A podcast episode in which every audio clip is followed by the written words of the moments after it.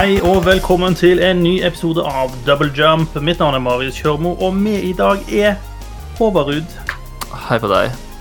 og Gøran Solbakken. Hei sann, sveisann.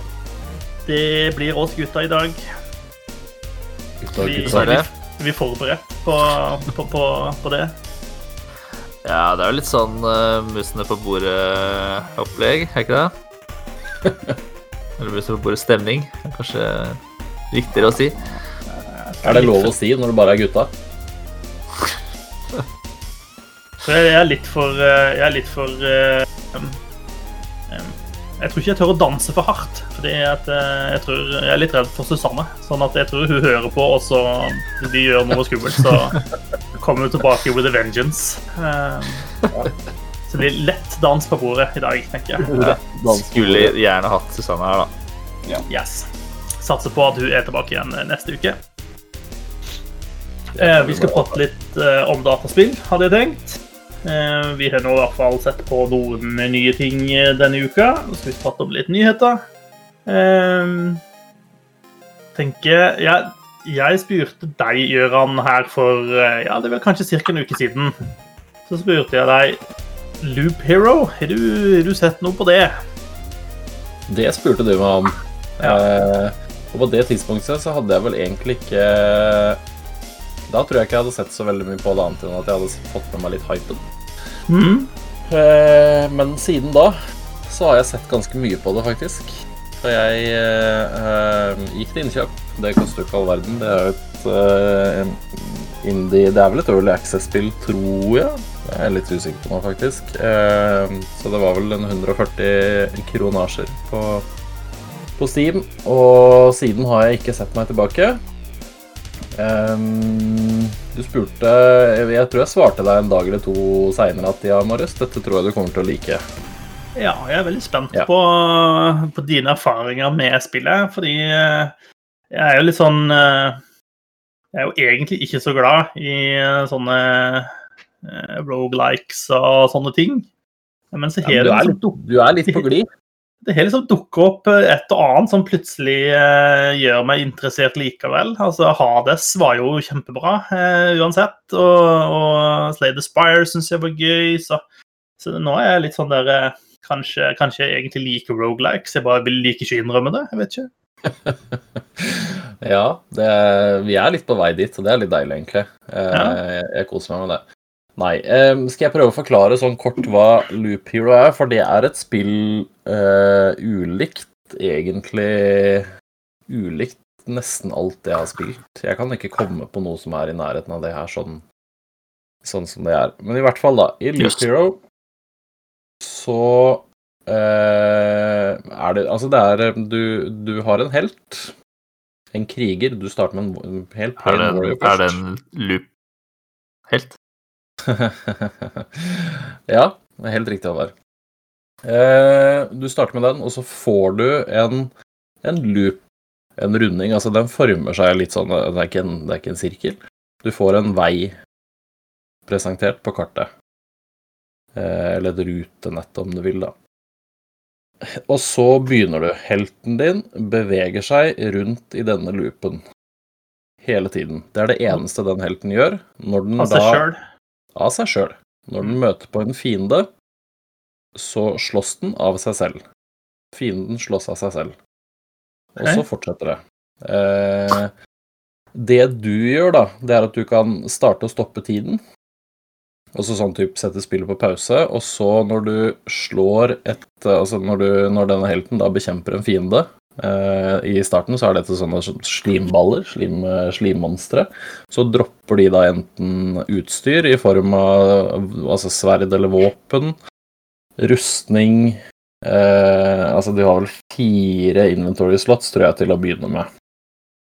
Eh, setter du spillet på pause, så oppgraderer du til et bedre våpen, eller du får en rustning, så du gjør litt mer skade og får litt mer hitpoints. Eller så kan det monsteret droppe et kort. Og disse kortene er spillbare kort som gjør at du plasserer noe ut, enten langs loopen, eller på selve loopen, eller utenfor i resten av kartet, som gir forskjellige typer bonuser. Så jeg kan Eh, jeg kan få en eh, en, en graveyard, da. Og så plasserer jeg det på veien, så kommer det en graveyard der. Hver tredje dag som går For det, altså, loop er ikke en dag. Én loop kan ta fire dager. Eller mer eller mindre, avhengig av hvor mye hindringer du har underveis. Hver tredje dag så spåner det et eh, skjelett i den graveyarden. Som er et ekstra monster på veien. Og så får du eh, Kan du plassere ut sånne eh, edderkoppgreier som gjør at det kommer edderkopper.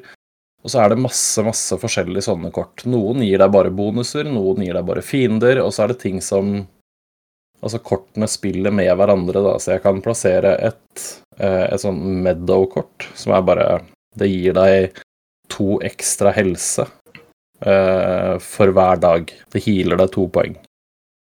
Men hvis jeg plasserer det ved siden av noe annet, så gir det tre hit points hver dag. Og sånne ting er det på veldig, veldig mye forskjellig i de spillene. Så det du da egentlig gjør, er at du bestemmer litt utfordringen denne helten får for hver loop. Og så er hele balansegangen ligger jo da i greier jeg å komme meg rundt uten å dø. Og når du kommer deg da til liksom start, så får du så og så mye hitpoints igjen. Og så er det en sånn Så ser du det, ikke sant. Hvis du går runden rundt og så har det fullt med hitpoints igjen, så er det sånn ja, ja, men det er greit, da kan jeg legge på litt mer fiender her og litt mer fiender der, hvis jeg har noen kort. Og så ser jeg hvordan det går. Og så baller det her liksom på seg etter hvert, da, ikke sant. For eh, fiendene går opp i, i level, så de blir vanskeligere å slå. Eh, men det gjør også du i form av at du får bedre og bedre utstyr som gjør at du får mer og mer skade. Og så begynner det å komme flere stats på utstyret, så du kan få eh, Du kan få lifestyle, eller vampirism, vampirism, som det heter. Eller du kan få counter, som gjør at du kontrer angrep og gjør et ekstra angrep på fiendene dine. Du kan få mer defense, du kan få mer hitpoints, du kan få mer skade. Altså det er masse forskjellige sånne stats, da. Og så liksom bygger du figuren din sånn at du kanskje kommer deg rundt en runde til, eller to runder til. Eh, og så er det Jo mer du bygger, så fyller du opp en sånn boss meter, og når det da liksom kommer til topp, så har du muligheten til å slåss mot en boss. Og da er det første acts boss er liksom den første du kommer til, da. Eh, og så vinner du eller ikke vinner. Men du kan også avslutte en loop når du da Egentlig når du vil. Hvis du avslutter den midt i, så beholder du 30% av eh, forskjellige ressurser som du samler opp. Um, nei, hvis du dør, så har du 30% igjen. Hvis du avslutter midt i, så har du 60. Hvis du avslutter når du er tilbake til campen din, så beholder du alt du har spart inn. Og da kommer du liksom ut av loopen til en sånn basebyggegreie, der du bygger ut en base med forskjellige bygninger og, og låser opp nye kort. Du låser opp ny funksjonalitet, du låser opp nye klasser. Og så er det liksom masse, masse, masse forskjellige sånne systemer som bygger i hverandre hele tiden, som gjør at du hele tiden liksom Du fortsetter liksom hele tiden framover, da. Selv om du dør, så tar du liksom med deg noe tilbake. Og så kommer det nye, nye mekanikker, nye kort, nye fiender uh, av gamle fiender for nye abilities på uh, det som da er liksom kapittel to. Uh, så det er veldig, veldig mye. Altså det er veldig sånn komplisert, men det er ganske Det er ganske gøy og relativt lett å liksom skjønne og, og tenke seg til mye av det. Og så er det helt sikkert 100 forskjellige måter å gjøre det på, optimalisere det på. Altså, jeg er helt sikker på at jeg ikke gjør det på den best mulige måten, men jeg har nå i hvert fall en fremgang hele tiden. Da. Altså, jeg får hele tiden låst opp nye ting. Jeg kommer kanskje litt lenger. Noen sånne loops eh, fungerer veldig bra, andre ganger så dør jeg liksom etter fire runder. Så det er, eh, det er veldig gøy, og så er det veldig sånn det er en veldig sånn annerledes måte å spille på, liksom ikke styre noe av kampene i det hele tatt. Altså, jeg styrer ikke hvem man slår på, jeg styrer ikke altså, prioriteringer sånn i det hele tatt, så det blir en helt annen måte å liksom angripe kampene på, da. En sånn der risikovurdering hele tiden, og så er det Nei, det er, det er bare veldig, veldig avhengighetsskapende, det spillet, altså. Jeg, eh, jeg koser meg veldig med det, i hvert fall. Men altså, når eh, denne eh, loop-heroen din eh, går inn i kamp da, med en fiende, er det sånn at da, da vet du på en måte på forhånd om han kommer til å vinne eller ikke? Altså, er det en sånn, da er det en ren matematisk utregning, eller skjer det litt sånn ulike ting og sånt i kampen? Nei. Eller? Altså, det er ikke eh, Altså, da begynner statsen å telle inn, ikke sant. Så da har du Hvis du går inn i kamp, da, så har du 30% evasion, og så har du så mye defense, så har også fiendene dine de samme type greiene. Altså, de gjør eh, De har eh, De har forskjellig sånn attack speed, de har forskjellig attacks de gjør, hvordan de gjør det. Noen har lifestyle, altså du møter vampyrer som healer når de angriper deg. Eh, Det kan komme flere fiender på én sånn et sånt rutenett. Altså plutselig så har du tre edderkopper du kjemper mot, istedenfor én. Eh, og hvis du plasserer et spesifikt type kort, så kan du få tre vampyrer pluss en, et spøkelse, f.eks. Eller du kan få en vampyr der i tillegg. Altså det er veldig ting Alt du gjør, spiller på en måte inn sammen, da. Så så det er liksom hele tiden den vurderingen av Og forrige runde så mista jeg 250 av 500 hitpoints. Da er det kanskje ikke så lurt å dunke på med fire nye sånne fiendetyper på neste runden uten å ha noen vesentlige oppgraderinger, da, ikke sant? Mm. Men i kamp så er det ikke noe Jeg vet ikke hva som skjer i den kampen. Det kan hende den banditten jeg møter, evader sju angrep på rad. Uten at jeg får gjort noen ting med det, annet enn at det er bare sånn spillet er. Eh, Eller så kan det hende jeg bare tar den på en one-shot med, med en rogue, for da, som gjør veldig mye skade sånn fort, på en måte. Så du har, du har ikke noe kontroll. Ikke noe du skulle ha sagt i selve kampen. Er du der, så er du Da må du på en måte bare vente og se åssen det går. Og så kan du hoppe ut av loopen utenfor kamp. Og liksom beholde, beholde noe. Så det er en sånn risk reward-vurdering hele tiden på liksom greie en runde til for å få litt mer ressurser, sånn at jeg får låst opp den neste bygningen. eh, Sånn at jeg får eh, flere kort, eller ja. Det er liksom den, den greia der hele tiden, da. Så det er eh, Ja, nei, jeg tror, du, jeg tror du vil ha likt det, for det er en sånn eh, strategisk type spill blanda med noe roguelike der, som jeg syns, er kjempefascinerende og veldig gøy. Eh, Det kan Det eneste jeg liksom syns nå eh, er at det kan være litt sånn Jeg veit ikke om det er kanskje er jeg som gjør noe feil eller ikke, men det er litt sånn grindy, kanskje, fra For jeg har tatt den første bossen og låst opp masse, eh, masse bygninger uten at jeg liksom enn så lenge har fått gjort så mye med de. Nå har jeg ikke tatt veldig mange runs etter det etter de siste oppgraderingene, men eh, jeg syns kanskje det er De krever veldig mye ressurser, da, i forhold til hva jeg kanskje samler inn. Men kanskje jeg ikke risikerer nok, eller et eller annet. Så Nei, det er, det er veldig gøy. Det, veldig, det er veldig kult når jeg, jeg hadde eh, Tidligere i dag så fikk jeg til en, en eh, et run med en warrior da, som jeg liksom bygde Og så fikk jeg noen sånne skills, for det også får du etter hvert sånne uh, abilities som gjør at En av de var at hvis jeg uh, tok en counter på et angrep, så heala jeg x antall hver gang. Og så fikk jeg da boosta den opp så jeg hadde sånn typ 40-50% counter. Så jeg heala meg jo hele tiden. Uh, og da Hver eneste gang jeg liksom fullførte en loop, så var jeg mer eller mindre på full HP før jeg kom inn og heala. Så da holdt jeg på lenge, lenge, lenge, liksom, uten at det skjedde noe. Og så begynte det etter hvert å bli vanskeligere, for da blei monstrene såpass høy level, og det utstyret blei ikke så liksom spissa mot det, da. Og healinga var ikke så god etter hvert. Så da hoppa jeg liksom ut for å beholde alle ressursene. Da fikk jeg liksom oppgradert masse. Så det er, det er veldig gøy. Og det går Det går uh, sånn passe fort. Jeg veit ikke hvor lang tid en sånn snitt er, jeg, men si jeg sitter i ja, mellom 10 og 20 minutter, kanskje. på et helt sånn vanlig sånn loop, da. Mm. Så er det veldig Altså, du sitter med med én hånd på musa og styrer, og that's it. Du Hei! Du trenger ikke å Det er ikke noe trenger ikke å forte deg, trenger ikke å være presis. Det er veldig sånn avslappende spill sånn, da. Så, nei, jeg, jeg koser meg. Det er veldig Veldig annerledes. Jeg kan ikke si Jeg kan liksom ikke sammenligne Loop Hero med noen ting i det hele tatt, og det er litt gøy. Mm.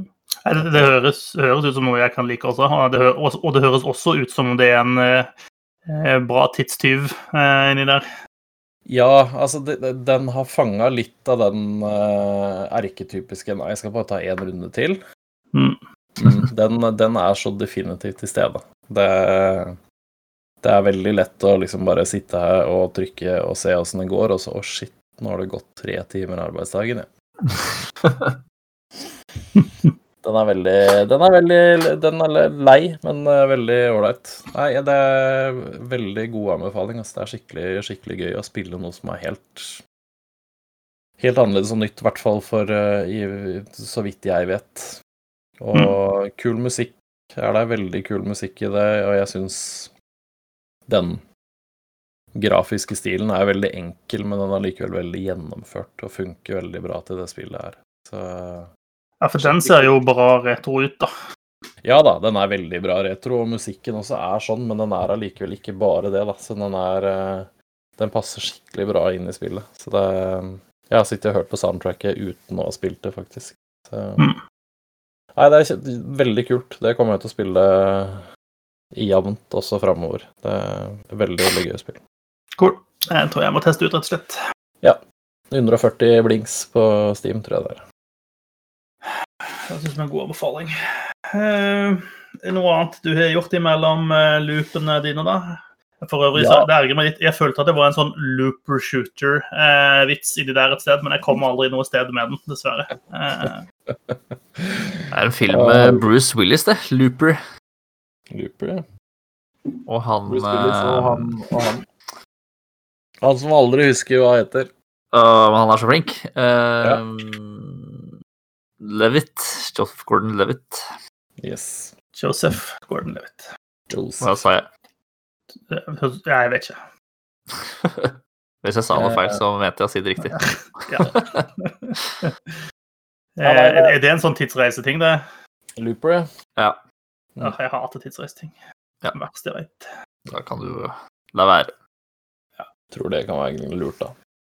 Jo, eh, innimellom alt det her, så eh, På fredag så eh, slapp de ut eh, Jeg vet ikke, jeg tror ikke det er en ny demo, men demoen igjen til eh, Monster Hunter Rise på Switch. Eh, nå også inkludert et 3D-monster, visstnok, som jeg tror ikke har vært tilgjengelig før. Oi, oi, oi. Wow. Og jeg har vært litt sånn Ja, skal jeg gidde nå, liksom? Tilbake på Switch, ser ikke like kult ut. Og så spilte jeg Demon noen timer i helgen, og ja Jeg, er- jeg er varm i trøya etter et nytt Monster Hunter nå. Fordi det var skikkelig gøy, faktisk. Er det sånn et helt år siden du spilte Monster Hunter sist? Nei, det er lenge siden. Nei, det er lenge siden. Det er vel sikkert et par år siden nå. Jeg spilte aldri den utvidelsen som kom, jeg. Ja. Det kom ut i 2018, Monster Hunter World. Så ja.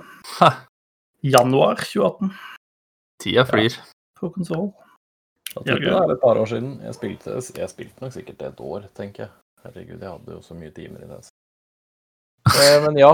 Eh, Monster Hunter Rise, det overraska meg positivt, faktisk. Det var jeg, Først så spilte jeg det i håndholdt, og det var, eh, det var vanskelig. Det er det første spillet på Switchen som var litt sånn vrient, og det var rett og slett fordi det er, det er så mye som skjer på skjermen at da blei det vanskelig å følge med og henge med, egentlig. Det kan hende alderen. Jeg skal ikke si at det bare er størrelsen på den skjermen, men jeg sleit litt med det. Men når jeg fikk det over på TV og sånn, så, så falt det litt mer på plass. Og jeg fikk testa litt forskjellige våpen, for du var liksom Alle våpentypene var tilgjengelig, og så hadde du 30 liksom 30 forsøk, da, eller du kunne gjøre 30 oppdrag i spillet før det liksom låste seg Eh, men så kunne du bare gå inn og slette saven, så fikk du 30 nye hvis du ville det. Eh, jeg tror ikke jeg Jeg kom meg ikke opp på 30 forskjellige eh, oppdrag, men den siste gangen jeg så, så hadde jeg vel 10 eller noe sånt igjen, så jeg fikk jo spilt en god del, da. Mm. Eh, og det er litt sånn Det ser kanskje ikke ser ikke altså Det er liksom vanskelig å si at det ikke ser like bra ut som det gjorde på PlayStation, men det er en litt sånn annen grafisk stil, da. Så Men det, den funker egentlig greit. Jeg synes altså Fortsatt så er liksom våpendesign og monsterdesign og sånn ser, eh, ser sånn ut som jeg liksom tenker at det skal gjøre da i Monster Hunter. Men det var liksom feelinga, altså våpenfeelinga og tempoet i kampene, de nye tilleggene jeg har gjort og sånn, som, som jeg ikke har testa før, da, som eh, funka veldig, veldig bra. Altså. Så nå Jeg skal ikke dømme noe ut ifra en demo, det virker skikkelig kult. Eh, Jeg kommer til å spille med et helt nytt våpen som jeg ikke spilte noe med i World i det hele tatt, som er sånn long sword, fordi det var det jeg spilte mye med nå, og det syns jeg var dritgøy. Eh, og så får vi bare se. Nå gleder jeg meg. Det kommer allerede neste uke, gjør det ikke det? Jo, det gjør det. Det kommer eh, fire eller fem dager før Outriders kommer, så det her blir jo et helvete. Må ta meg ferie eller noe.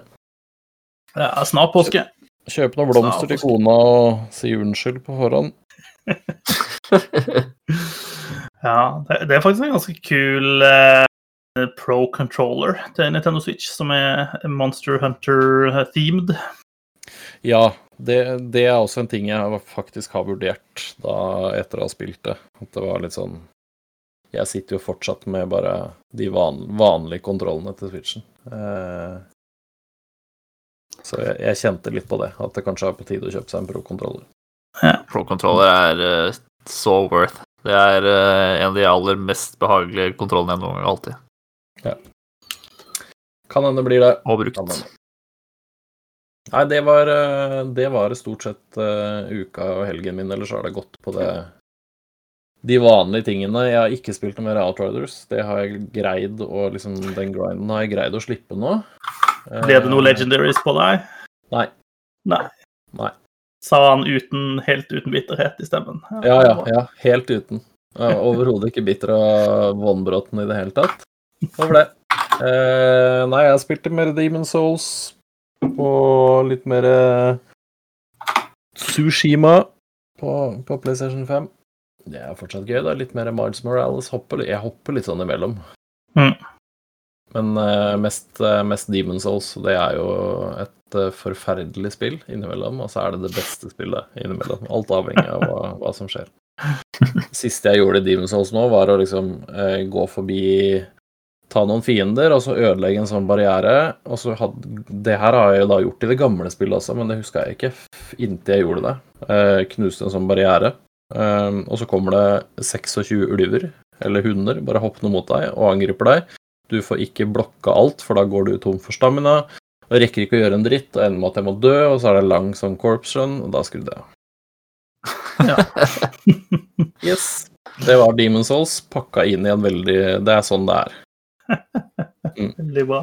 Kos meg, kos meg. Hva med deg, Håvard? Eh, du, jeg har eh, drevet og bladd litt i eh, GamePass på eh, Xboxen min, og der fant jeg et spill som heter Super Lucky's Tale. Som så ut som et veldig koselig plattformspill, og det er det.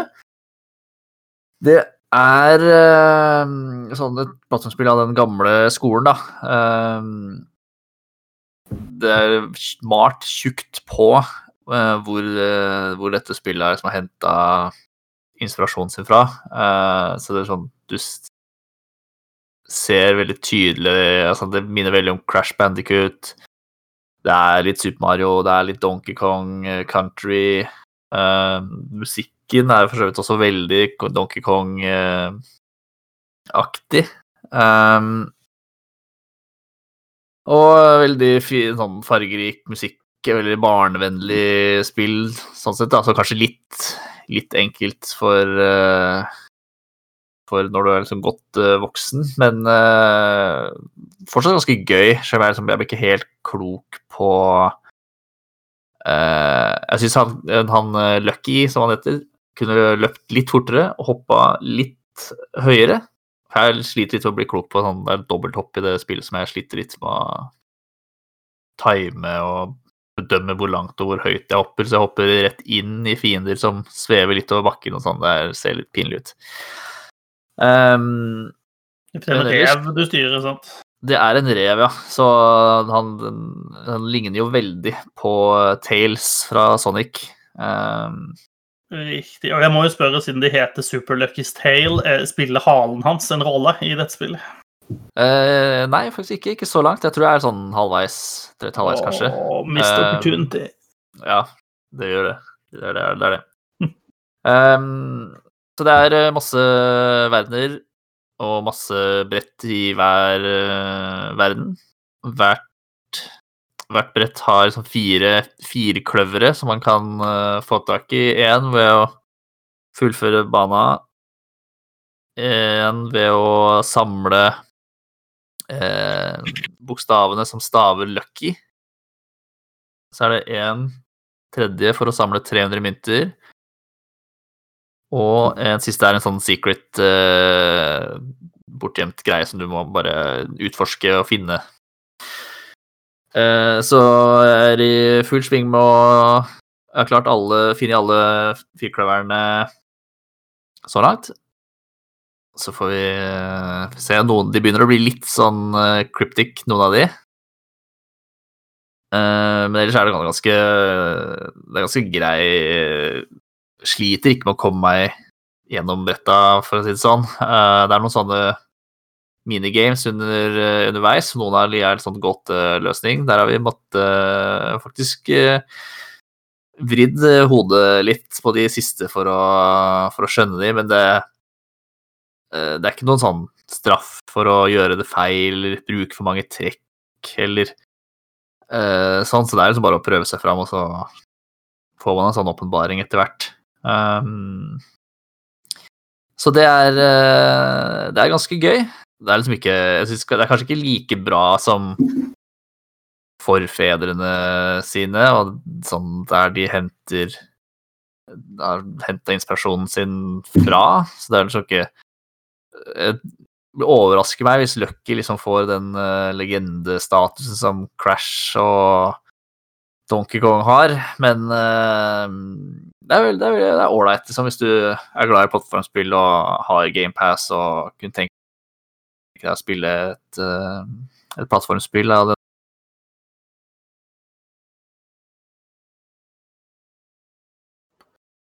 Er du der, Håvard? Den gamle skolen, så kan jeg anbefale Super Lucky's Tale. Eh, det kom en, ja, altså en flott. Du datt versjon som heter for meg der, i fall, Super Lucky's Tale, som jeg tror er liksom, I en, en, del sekunder. Ja, det er det. Ja, OK. Uh, da blir det weird. Men det får vi være gjørende for det. Det finnes en uh, variant som heter uh, New Super Lucky's Tale også, som jeg tror er en sånn utvida med litt sånn ekstra stæsj. Um, som eh, kom på Switch um, et år etter at eh, Halvannet år, kanskje til og med, etter at Super Lucky's Tale kom på PC og Xbox, da. Men du får en ny Super Lucky's Tale på, på GamePass også. Eller PlayStation Jeg er litt usikker på om det fins på PlayStation 5, faktisk. Men i hvert fall fireren. Mm. Og Switch hvis du vil, vil det, da. Og PC. Cool. Ja. Det, det, er stort sett det du har fokusert på siste uka? Ja. I hvert fall alt det som ikke er uh, Som man alltid bruker tid på. Ja. Jeg har spilt mye Valheim siste uka. Jeg mener, jeg mener mye Valheim. Eh, mange timer. Eh, jeg rett og slett ble, ble litt revet med i eh, uka som gikk. Uh, sånn, til den grad at jeg lå liksom på, i senga på kvelden og tenkte at når jeg står oppe i morgen, så skal jeg gå og samle de ressursene og skal jeg bygge den tingen, skal jeg gjøre ferdig det. Um, og så gjorde jeg det. Artig spill. Jeg kan ikke si noe annet enn det. Eh, jeg hadde en litt sånn eh, Jeg spiller jo på en server med en del andre venner. Eh, og så hadde jeg en litt sånn opplevelse hvor jeg ikke hadde muligheten til å være med og spille like mye som de andre i starten, så jeg følte meg litt sånn ifraløpt på en måte i utviklinga. Og de drev og gjorde masse kule ting, og når jeg skulle komme og eh, på en måte eh, lute en, en, min første dungeon, så var det ingen dungeon å finne. Eller de dungeonene jeg fant, var allerede ferdig luta, på en måte. Eh, så jeg var litt sånn der åh, dette var jo ikke så gøy. Eh, men så fikk jeg på en måte eh, Ja. Vi har jo litt sånn felles by og sånt vi har lagt, eh, så jeg på en måte kom etter den. Og så bestemte jeg meg for at OK, nå skal jeg bare gå full viking. Så jeg bruker litt av de felles ressursene som man hadde liggende, til å bygge meg et langskip. Og så bare seilte jeg av gårde til et nytt kontinent, vekk fra alle. Og så bare her skal jeg bygge og bo. Eh, og så får jeg på en måte litt fred og litt sånn OK, nå kan jeg utvikle meg i den på en måte progresjonen som spillet er ment at du skal ha, da. Eh, og det var en veldig god opplevelse. Så eh, nå på en måte har jeg bygd meg en fin borg, og jeg har liksom, jeg har smia mi der, og jeg har verksted, jeg har lagd meg et fint langhus. Eh, jeg har begynt så vidt med litt sånn gårdsbruk. Jeg har klart å temme et par griser som jeg har i grisebingen min. Det begynner å bli veldig hyggelig, rett og slett. Eh, jeg har liksom lært meg, jeg har klart å lage ei bru som er store nok til at jeg kan seile langskipet mitt under det. Jeg har blitt litt mer komfortabel med på en måte bygginga og sånt. Fortsatt så er jeg, jeg er definitivt ikke noe perfeksjonist, fordi at ting ser litt ut som at jeg har bygd det sjøl, for å si det sånt. Men, men, det er helt greit. Det, og fått liksom en del av konseptene har jeg skjønt bedre. da, Altså hvordan du må bygge for at du skal kunne bygge høyt, f.eks. At du må på en måte bruke stein, og du må ha liksom god eh, Du må jevne ut grunnen først, sånn at du sikrer at du har kontakt til bakken liksom på alle punktene. og sånt. Da kan du liksom bygge høyere, og du kan ja. Eh, og dette med at du må på en måte lede røyken ut når du har ildsted inn og sånne ting. Også veldig kult når du får det til.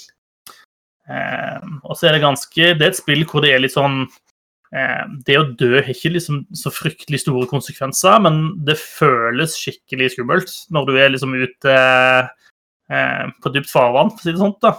Eh, når du er og slåss med de fiender som er litt sånn OK, dette er ikke de vanlige fiendene, dette er litt skumlere, litt sterkere fiender da er det litt sånn oh shit, dette er skummelt. Og tidvis må du bare eller, løpe av gårde så fort du kan, for du ser at dette er jeg ikke klar for nå. Eh, så det har blitt noen turer inn i svampen ved siden av borgen min, hvor jeg bare har kommet beinene ut igjen fortest mulig inn i borgen og lukke døra. Tøffe vikingen. ja, ikke sant. Eh, skummelt, eh, stor, stor, skummel verden når du er. Sant? Ja. ja, det blir det. Ja da. Så jeg har fått uh, tatt meg en tur opp i fjellet etter hvert, og jeg har skutt et par uh, drager. Eller de er vel drakes, da, så det er vel sånne små drager, men jeg har klart å drepe et par av de. Og jeg har liksom klart å snike meg opp og stjele et drageegg. Det syns jeg var ganske big deal. Uh, så det har jeg liksom stilt ut på siden av senga mi i langhuset. Det er et sånn fint sånn lysende rødt drageegg som er veldig estetisk pent å se på. Uh, yes. Kjedelig når det, det, klikker mens du, mens du, sover, da. Så plutselig så våkner du uh, inni magen på en drage. ja, da er det worth it, tenker jeg. jeg spørs om jeg ga opp det spillet litt uh, for tidlig, litt sånn før det blir moro. Jeg syns jo Jeg sliter litt med å synes at uh, sånn survival-spill er, er, gøy, men det spørs om det er jeg som er vanskelig å vre i dette tilfellet. Ja, det er jo litt hva du, hva du, på en måte liker med det, da. Altså, eh, altså hvis du ikke kan synes det hvis, hvis, du ikke syns at det er gøy å drive og bygge eh, og lage basen din og sånt, da er det på en måte Da har du fjerna ganske mye av spillet, da, på en måte. Altså, det er i hvert fall mye av tida jeg bruker i spillet, bruker jeg på å finne ressurser og på å bygge basen og få den sånn som jeg vil ha den. Mm. Eh, og jeg finner det mye moro med det, da. Eh, så hvis på en måte du bare ønsker å geare opp og gå ut og utforske og liksom drepe bosser og sånne ting, ehm, så, så, er det en del av det også, men da, da fins det kanskje andre spill som du får mer av det for. Altså, da kan du spille Monster Hunter, liksom. Det, det gjør jo bare det om og om igjen. Eh, så eh, Så der, ja, jeg liker det, men jeg ser også frem til at det skal komme mer innhold til Valheim etter hvert. Eh, jeg savner liksom eller, eller jeg ser muligheten for at spesielt med bygging og sånne ting, her kommer det til å komme mye mer innhold eh, som kan gjøre det kulere. Jeg savner en del sånn eh, pynt, utsmykking. Ting til liksom, gjøre ting, skille ting litt fra hverandre. Eh, sånn at ikke min base ser akkurat lik ut som eh, Gjøran sin, for å si det sånn. Mm. Så litt, litt, mer sånne ting eh, hadde vært kult. Eh, ja. Men ja, jeg koste meg masse med det. Ja, jeg også var, eh, var, innom den serveren eh, en liten stund, men jeg kjente også at jeg eh, Ja, det kan hende jeg bare er sær, men jeg, hadde, jeg har litt lyst til å oppleve og greie mye av den progresjonen på egen hånd. Fordi mm. de folkene som er på den serveren, de har kommet vesentlig mye lenger enn meg. Og da føler jeg liksom at jeg, jeg går glipp av litt av den, den reisen, da, kanskje, som jeg, som jeg, har, som jeg syns er veldig gøy i Valheim. Så Mm. Jeg hoppa tilbake og spiller, spiller solo, faktisk. Ja, ja, men det var litt den samme, samme filen jeg hadde. Men uh, jeg, jeg, tror jeg fant god, god, et godt kompromiss på det, da. Ja. Uh, og, og, jeg prata med de andre på serveren om det også, så de liksom vet at OK, la, la Marius få lov til å gjøre sin greie litt, da. Uh, så ja. Så det ble, det ble bra. Mm. Ellers så vi skal, eh, vi skal eh, på, eh, straks over til nyhetene og prate om at det, det dukker opp en del Betesta-spill på GamePass. Eh, og da må man selvfølgelig eh, installere Skyrim eh, på Xbox Series X når det, når, det, plutselig er inkludert i pakka jeg allerede betaler for. Så jeg fyrte opp Skyrim Special Edition til Xbox eh, og satte i gang og modde det for å sjekke ok, hvordan funker nå egentlig dette nå på, på konsoll. Jeg er jo vant med å modde Skyrim masse på PC, men det er på en måte et helt annet monster. Um, det er overraskende mange mods da, som er, som er porta til Xbox uh, og kan brukes der. Der er Jeg håper å si Med med den kunnskapen som jeg har bygd meg opp med modding på PC, så er det å modde på Xbox ganske uproblematisk, for å si det sånn. da.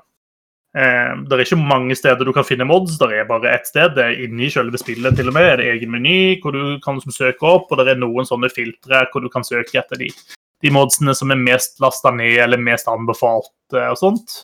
Eh, og det er en søkefunksjon. Den søkefunksjonen den er det dårligste jeg har sett i mitt liv.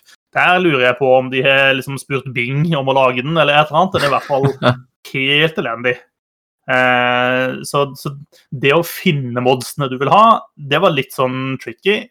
Eh, Sjøl når du visste nøyaktig hva navnet var, og navnet var liksom unik strofe på fire-fem ord, Eh, så vil den allikevel foreslå en del andre ting før du faktisk finner den du skal ha. Eh, så hva som er greia med den søkefunksjonen, det skjønner jeg ikke, men den gjør i hvert fall ikke jobben sin. Eh, sett bort ifra det, så var det egentlig veldig enkelt å installere mods.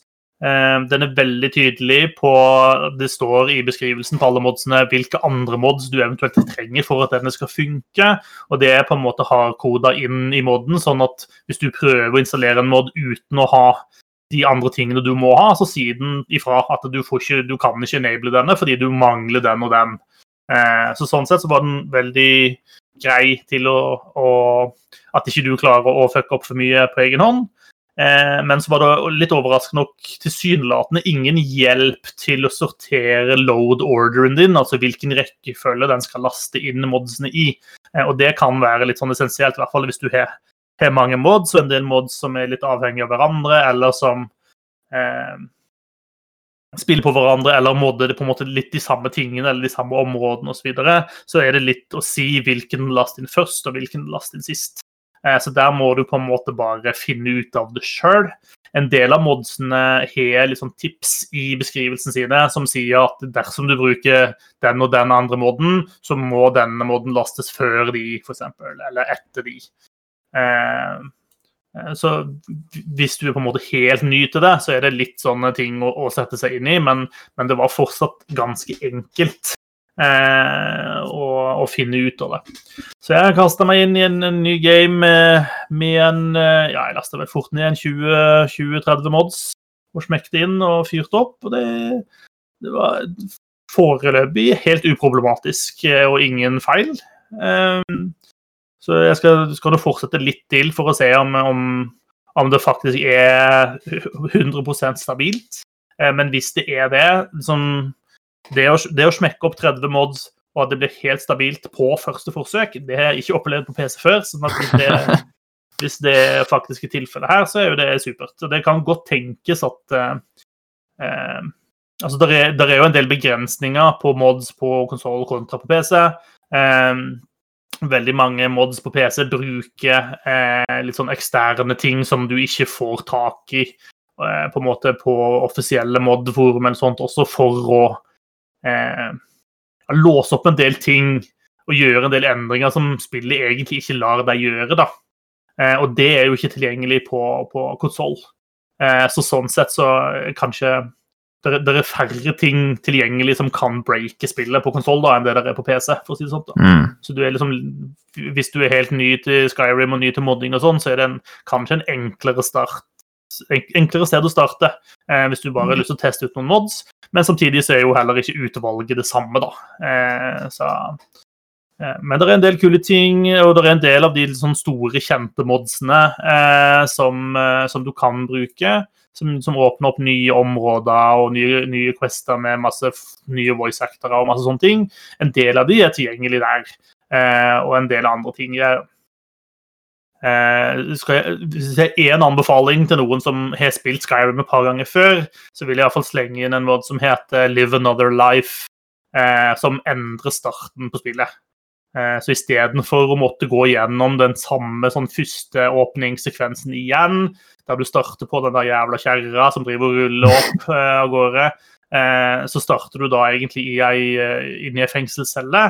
Eh, og så kan du gå og prate med en statue, og så gir den deg på en måte en del ulike alternativ på hvordan du ønsker å starte spillet. Og da, og da har den også lagd på en måte litt sånn små quests basert på den starten du har, som da binde deg inn igjen på liksom hovedsporet til hovedquesten, da, men, men med en litt annen inngangsport. Eh, veldig grei for å slippe det, sånn, det litt sånn litt sånn treige og traurige startoppdraget som, som du kanskje har gjort noen ganger før. Det er eh, omtrent det eneste jeg har spilt i Skyrim, det oppdraget. Det har jeg spilt fire ganger eller noe sånt. Uff da. Det, det er jo ikke det, det beste i Skyrim. Eh, Nei, jeg tror jeg, jeg likte Oblivion mye bedre, fordi jeg føler jeg liksom får trykka ned i halsen hvem jeg er så, i, i eh, Skyrim. Mens i Oblivion så er bare, er, jeg bare en kis som var på feil sted til feil tid, eventuelt uh, omvendt, da. mm. Eh, mens i Skyrim så er det Det tar ikke lang tid før liksom alle er sånn Oh, you're the Dragonborn. Og, og da er jeg det, da. Ja. Med alle de forventningene til meg, og det Ja. som det, det bærer med seg. Ja. Syns jeg det la litt sånn begrensninger på hvordan jeg skulle være. Ja, sant det. Det er vel litt sånn det spillet er lagt opp. Vi får uh, glede oss til, uh, til det neste spillet i serien når det kommer om, om 130 år eller sånt. Ja. Men i hvert fall, uh, jo da, Skyrim holder seg fortsatt bra, det. Fortsatt gøy. Og med et par mods så ser det ikke så verst ut heller, sjøl selv ikke på Xbox Series X. Kanskje skal gi det nok en sjanse. Ja, det, eh, nå trenger du ikke kjøpe det engang til den nye konsollen din, så mener, da er jo mulighetene gode. Eh, skal vi hoppe litt over til nyheter, for vi har jo vært litt innom det. Eh, det var en Xbox-Betesta-event eh, i forrige uke. Eh, og eh, dette oppkjøpet da, eh, av, der Microsoft kjøpte opp Bethesda, ble jo endelig eh, offisielt sluttført. Eh, og ganske umiddelbart så dytta det ut en gjeng med nye spill på GamePass. Eh, altså ganske mye av Bethesda-katalogen som bare datt rett inn der. Eh, noen spill hadde vært der før, eh, mens andre spill var nye for, eh, for GamePass. Eh, så nå finner du eh, Skyrim, og du finner Fallout, og du finner Prey og Dishonored og masse gode spill. Doom, Eh, Wolfenstein. ja. Wolfenstein jeg tenkte jeg skal begynne på. Jeg har ikke jeg spilte aldri de, denne nye trilogien. Mm. Så jeg tenkte jeg skulle jobbe med så jeg har lasta ned The New Order, så det ligger klart. Så Ja. Åh, det er bra spill. passa bra, bra spill.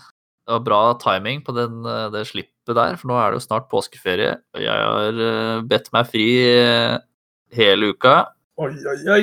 så da blir det nok å slange seg og spille Betesta-spill på Xboxen, tenker jeg. Det kan være, bli good times ut av det. Jeg håper det. Eh, noe annet vi også fikk vite, var at eh, eh, noen eh, fremtidige Bethesda-spill kommer til å bli eksklusive til GamePass-plattformer, eller plattformer der GamePass er tilgjengelig, altså per nå på Xbox og PC. Det var jo Mm, ikke kjempeoverraskende, det, da. Nei. Nei, det var jo ikke det.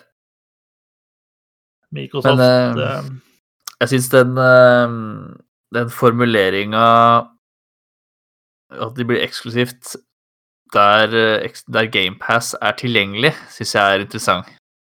Eh, For han Phil Spencer, han som er Xbox-sjefen, han eh, har jo ikke Han har vel sagt ganske tydelig at uh, vil gjerne ha GamePass både på Switch og PlayStation, han, så det sånn det skal ikke stå på han. Um, men det, det spørs om dette er nok til å lokke de, andre, de to andre til å gå med på det, da.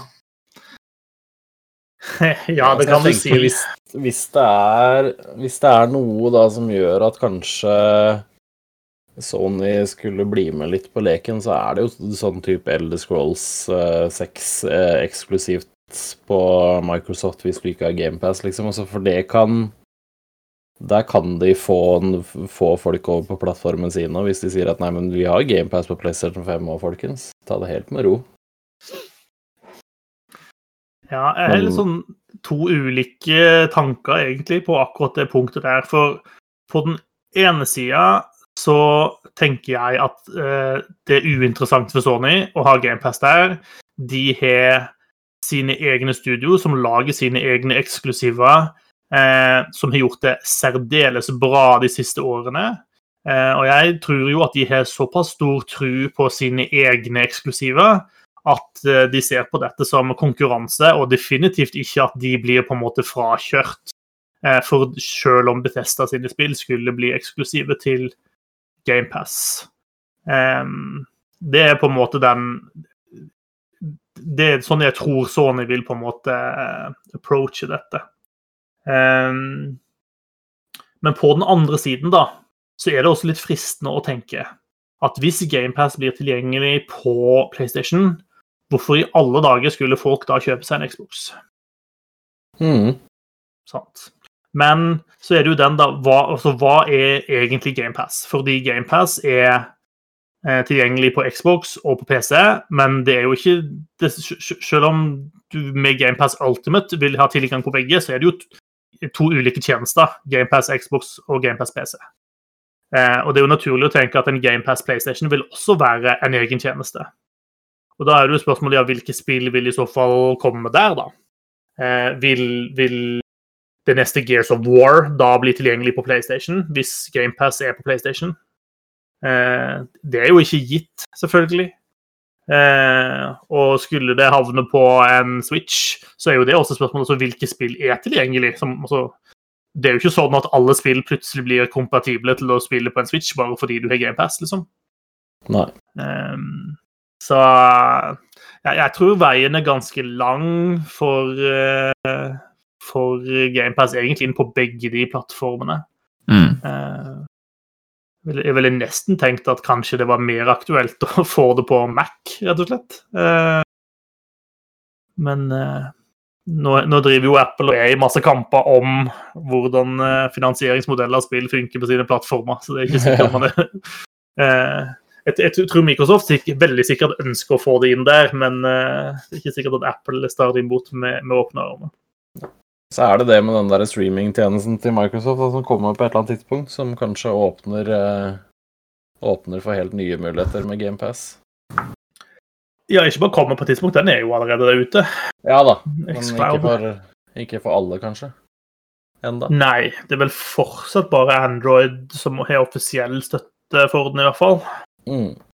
Eh, og så rulles den vel ut til PC snart, det vel, var vel ryktet, i hvert fall. Mm. Ja, det var vel et eller annet sånn om at det ikke var så langt unna. Så. Mm. Eh, og som om ikke det var nok, så kom også nyheten, det var vel kanskje til og med i dag, at det nevnte Outriders også blir å finne på GamePass.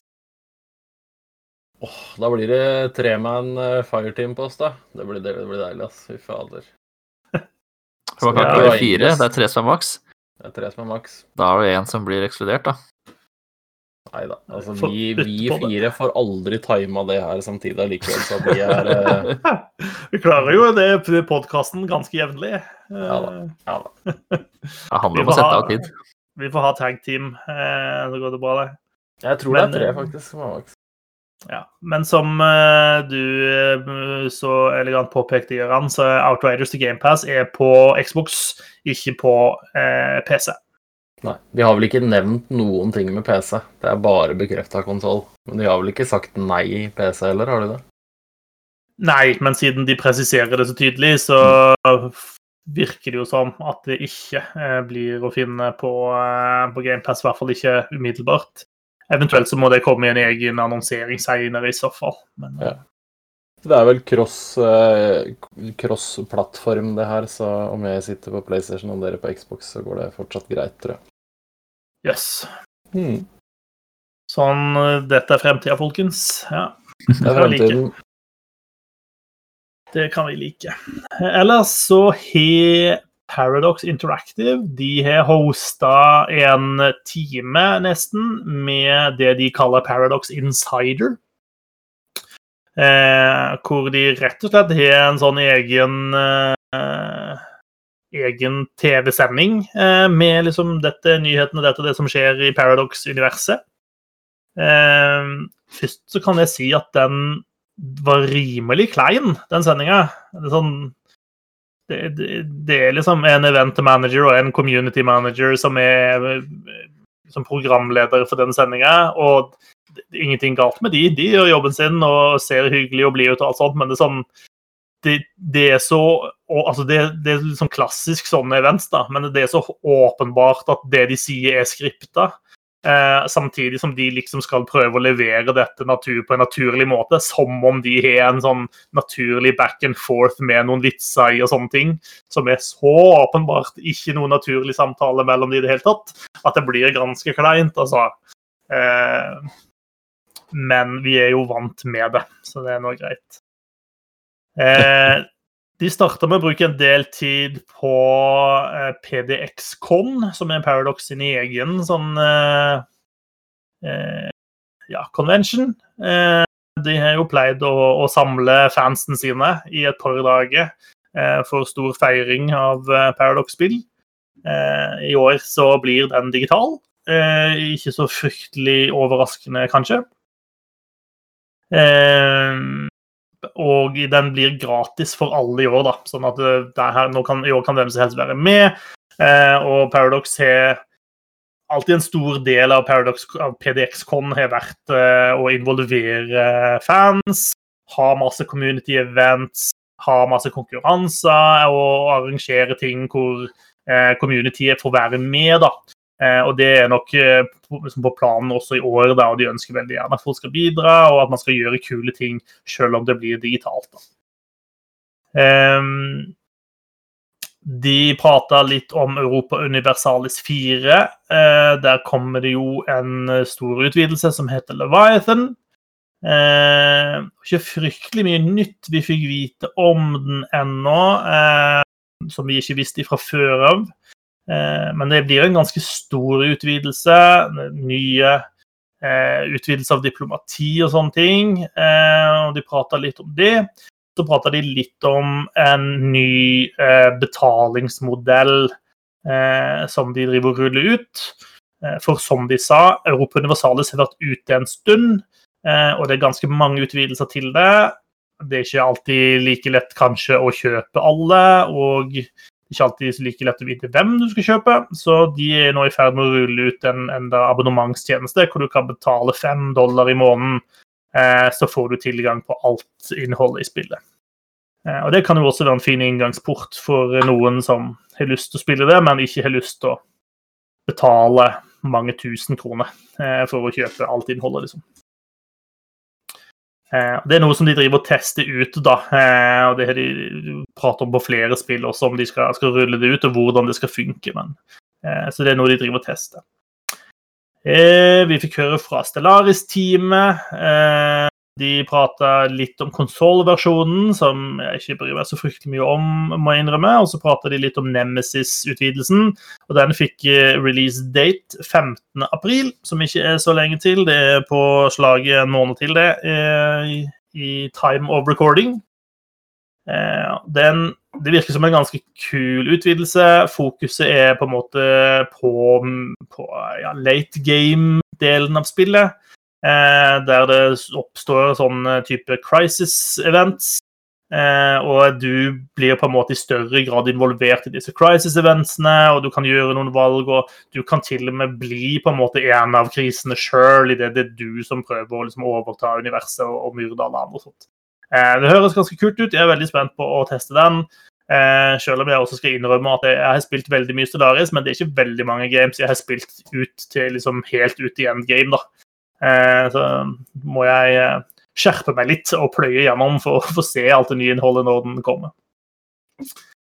Så fikk vi litt info om Surviving Mars. Eh, det er et spill som har vært altså Der utviklingen rett og slett har vært stoppa en stund. Nå ble det annonsert at et nytt team som tar over det spillet, Abstraction Games, har tatt over, og det er nå i aktiv utvikling igjen. Eh, og at eh, eh, det kom en ny expansion til spillet senere i år som de ikke ville si så fryktelig mye om ennå. Og de annonserte også en del sånne community packs som for meg høres ut som modpacks, egentlig. da, altså Det er lagd av av community og fans av spillet, men det høres ut som de har gjort en eller annen avtale og sikkert betalt noen, noen kroner for å liksom lage en sånn offisiell pakke da, som, som folk kan få. Vi fikk høre litt fra Empire of Sin-teamet, som eh, i, i, det minste var ute og på en måte innrømte at eh, det var ikke alt som var 100% perfekt når spillet ble sluppet. Eh, og Det er jo fint at eh, de sa det. Det var Brenda Romero sjøl som var med på eh, denne sendinga. Eh, og de prata litt om hvordan de jobber med community for å gjøre spillet bedre og gjøre det til det spillet som alle ønsker at det skal være. Eh, og de avslørte også at det spillet vil bli tilgjengelig på Xbox GamePass til både konsoll og PC fra 18.3. Så enda mer spill inn på GamePass. Eh, og til slutt var de innom Crusader Kings 3, eh, der de prater om den neste utvidelsen til spillet, som er en såkalt flavor pack. Flavor pack er jo ikke på en måte ment til å være de liksom, største utvidelsene som eh, lager masse nye features eller nye regelsett osv. Men eh, de, de, gir allikevel mye innhold. da, altså Du får en del kosmetisk innhold med det, men du får også en del sånne eh, events og ting som kan skje, da, eh, som, som, setter mye mer krydder på gjennomspillingen. Eh, og Den første flavorpacken som kommer, er en type vikingutvidelse, eller Northern Lands flavorpack, eh, som skal da gjøre gjøre det mer, mer unike gjennomspillinga når du spiller med noen av våre nordlige brødre eh, eller søstre. Eh, og den pakken skal være tilgjengelig fra i morgen av i eh, time of recording, altså 16. mars. Så når du hører dette, så har du muligheten til å gå og ta deg en ny run med en av vikingnasjonene i Kings 3 og se hva nytt som har dukket opp der. Det var stort sett det. Liksom ingen sånn ordentlig sånn blockbuster-annonseringer på noen måte. Men det de, det de tisa, var at på PDX-con så kom de til å annonsere i hvert fall et nytt spill. Eh, så da er jo spekulasjonene i gang allerede. Eh, hva er det de skal annonsere? Og folk driver jo og maser om at det må, denne gangen må det være et nytt Victoria-spill. Eh, jeg er ikke så sikker, men vi får se hva det blir. Det var i hvert fall Du, du tror det? Hva tror du?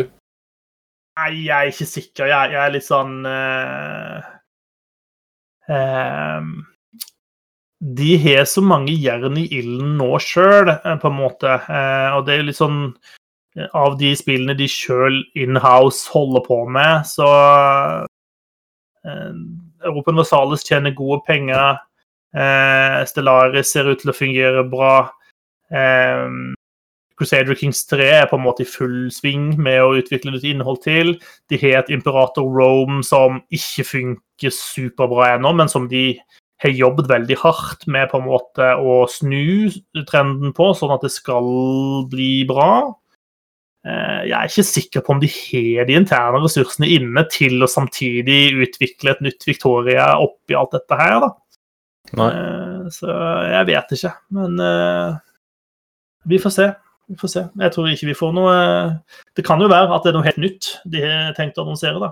Eh, og så syns jeg det har vært litt rolig på Hearts of Iron-fronten i det siste også, så det kan jo være det et eller annet der, altså. Vi får se. Jeg tør ikke spå noe mer enn det. Jeg kjenner Nei. ikke nok til uh, the inner workings i Paradox. Eh, men de, de, de, de er flinke til å liksom skvise ut suksess av spillene sine, selv om de kanskje ikke er 100 i det de blir released. Så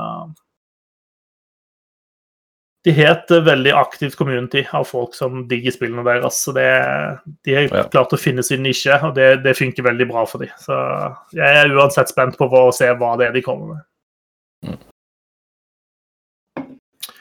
Eh, in other news um, Jeg vet ikke om hvor mange som fikk det med seg, men det ble annonsert for en stund tilbake at uh, de holder på å lage en remake av Gothic.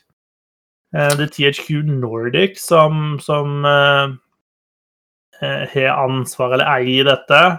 Og den, nå har de altså da satt et nytt studio inn til å jobbe med det prosjektet. Eh, det ble annonsert en slags demo av Gothic-remaken på Steam for en del måneder siden. Eh, og nå er det utydeligvis, tydeligvis jeg vet, jeg vet ikke hva som har skjedd der. Om det teamet på en måte så at dette klarer vi ikke alene, eller om de har sett at dette er noe som kan bli veldig bra, så vi skal sette alle klutene til for å gjøre dette til den suksessen det bør være. I don't know. Men det er i hvert fall et uh, studio som heter Alkimia Interactive, som er basert i Barcelona, som nå skal styre det uh, prosjektet. Ja. Eh, Spent på hvordan det var. Det, nå er det jo ti år siden Gothic kom ut. Et spill som jeg ikke har spilt så veldig mye, men jeg spilte Gothic 2 veldig mye. Så det er, en, det er en ganske kul verden. Eh, Så jeg er litt spent hvis de klarer å lage en, en Hvis de faktisk remaker spillet, sånn at det føles moderne og sånt, så kan det være absolutt verdt å ta en kikk inn. For det er en, det er en veldig kul verden eh, i de spillene. Jeg husker ikke. Jeg har spilt et av de her, men jeg kan ikke si at jeg husker helt hvem av de det er. altså. Nei, De lagde jo disse Gothic-spillene, og så gikk de over til å lage de Hva heter de? de du spilte noen pirater og noe sånt etter hvert. eh, Ja, De var ikke like bra.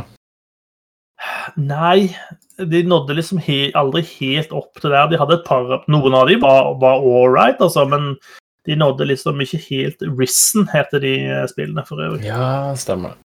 Eh, Det kom vel ut tre stykker av de også. Eh, og det Det var var de som lagde det derre Elex òg, ja. Ja, det var kanskje de som lagde det, ja. Det, det slo jo ikke til. Nei, det var eh, I mangel på et bedre ord, så uh, janky, tror jeg man kan kalle det. Ja, det var ikke mange Det er et spill jeg ikke ga veldig mye sjanse, skal jeg innrømme. Jeg spilte det litt og fant ut at dette orker jeg faktisk ikke bruke tida på. Nei. Um, men hvis jeg husker riktig, så er det sånn når, de, når den gjengen der lagde det originale Gothic eh, tilbake i 2001, så var det altså, da var det en skikkelig indie-tittel. Det var et kjempelite team bare bestående av et par folk liksom, som satt og gjorde dette. Sånn, eh, så, så, det var en sånn stor bragd egentlig når det spillet kom ut. Mm. Så et, et spill som, som, fortjente en del kjærlighet også eh, fra fansen. Så det, det var kult. Så jeg er spent på å se hvordan denne remaken blir, om det, om det blir spillverdig. Eh, det var en brann i Strasbourg eh, som førte til at mange servere Altså det var brann i et datasenter eh, som førte til at mange servere røyk med. Eh, og utviklerne av eh, det populære overlevelsesspillet Rust har gått ut og sagt til eh, sine europeiske spillere at dette kommer til å påvirke dere. De sier at de mister 25 servere i eh, den datasenterbrannen, og at man må regne med ja, De var ute og uttalte Uh, we've confirmed a total loss of the affected EU servers during the data center fire. We are now exploring replacing the affected servers. Data will not be restored. Ja. Så, jeg tror alt, uh, alt data røk, liksom. Men det gikk mm. visst fort å erstatte serverne, sånn at man de oppe med, med, samme kapasitet som de hadde før brannen. Ja. Der er jo andre datasentre eh, der ute, så det Men eh, hvis du var midt i noe i Rust, så er nok det borte, dessverre. Hvis du spilte på en europeisk server, i hvert fall. Eh, helt til slutt, bare noe jeg syns jeg, jeg så på Twitter her om dagen, at eh, Beyond the Steel Sky nå er annonsert til å komme ut på konsollen og PC, husker riktig. Det har jo vært eksklusivt til den Apple Arcade-tjenesten. Eh, jeg vet ikke, Har du, har du vært borti det, Gøran? Nei det var jo oppfølgeren til det gamle eventyrspillet Beneath the Steel Sky. Eh, jo, jo, jo. Shit, det har jeg selvfølgelig. Jo. Mm. Jo da. Det var bare midlertidig stopp på, på hjernekapasitet. Ja, jeg har vært borti det. Uh, det er helt OK, det jeg har spilt av det. Ja. ja. Ikke så mye mer enn det. Nei. Det er litt, litt, det jeg var litt redd for. Eh, mm. Eh, men det skal i hvert fall komme til, til konsoll, da. Jeg så det var eh, til Xbox og til PS4, sto det. Så jeg vet ikke om Jeg har ikke helt skjønt det der med spill som fortsatt kommer ut på PS4, men ikke kommer ut på PS5. Men eh, det, det er kanskje en greie. I all hovedsak så kan vel nesten alle PS4-spill spilles på PS5, tror jeg. Ja. Mm. Men det kan være at det ikke lages en egen PS5-versjon, kanskje, da. Altså at, ja. Jeg tror kanskje det er noe der. Jeg uh, har, jeg har lasta ned Destiny på, på, PS5 fordi jeg skal begynne å spille det med han mellomste. Så takk, takk, for alt. Nå kommer jeg til å bli sugd inn i det igjen. Men i hvert fall, da. Uh, jeg skal ikke begynne å prate om det. Men når jeg skulle da fyre opp det her om dagen, så så jeg da sto det 'last ned' plutselig på Destiny 2.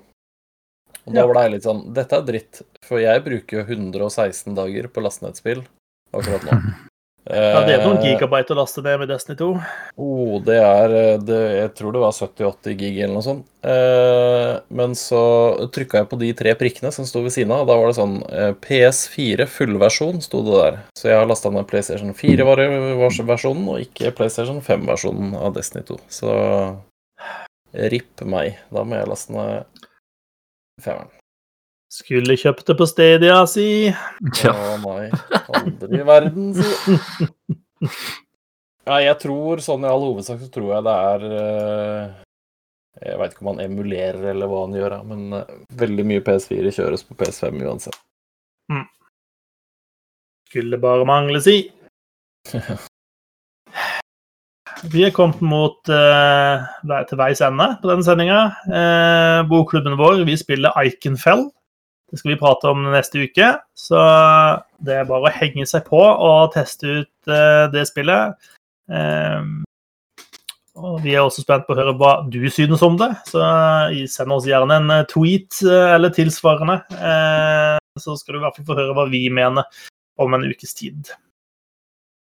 Herlig. Det var det, folkens. Er dere fornøyd? Ja, Ja. Ja. det vil jeg si.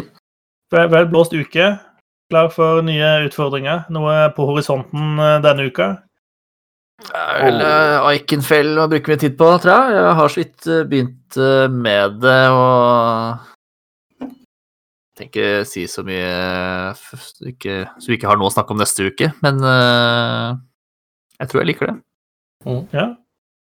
Cool. cool. Jeg skal prøve å komme meg tilbake igjen i, i Dragon Age. Jeg spiller litt mer på Dragon Age Awakening, som jeg er i gang med, i hvert fall. Jeg er redd for at det blir litt mer Valheim også. Eh, fare for. Og så var det dette Loop Hero, da, som jeg gjerne skulle sjekke ut. Å ja. Mm. Det blir Loop Hero på meg. Det blir det. Var det sånn- er de også tilgjengelige på mobil? Det tror jeg ikke det er. Det hadde egentlig funka helt fint på mobil. Ja, sånn du beskrev det i stad, så hørtes det ut som eh, noe man burde ha på telefonen sin, men Å, det det da Eller nettbrett Stakkars. eller Tenk deg en et nytt Lady Spire eller Heartstone på telefonen vår. Da, da blir du trøtt. Eh, Jeg sitter jo og spiller Slade Spire på telefonen eh, nå. Det gjør jo, det, det stjeler jo nattetimene. Det gjør jo det. Nei, det er lov å håpe at det kommer der. Eh, kan være jeg må en tur innom Crusader Kings også, når denne vikingpakken eh, nå kommer ut. Det er travel uke denne uka også, gitt. Ja da. Sånn er det. Men det var hyggelig å prate igjen med dere, folkens. Eh, fra meg sjøl, Håvard og Gøran, sier jeg takk for oss for denne gang, og vi er tilbake om en ukes tid. Hei så lenge. På gjenhør. Ha det bra.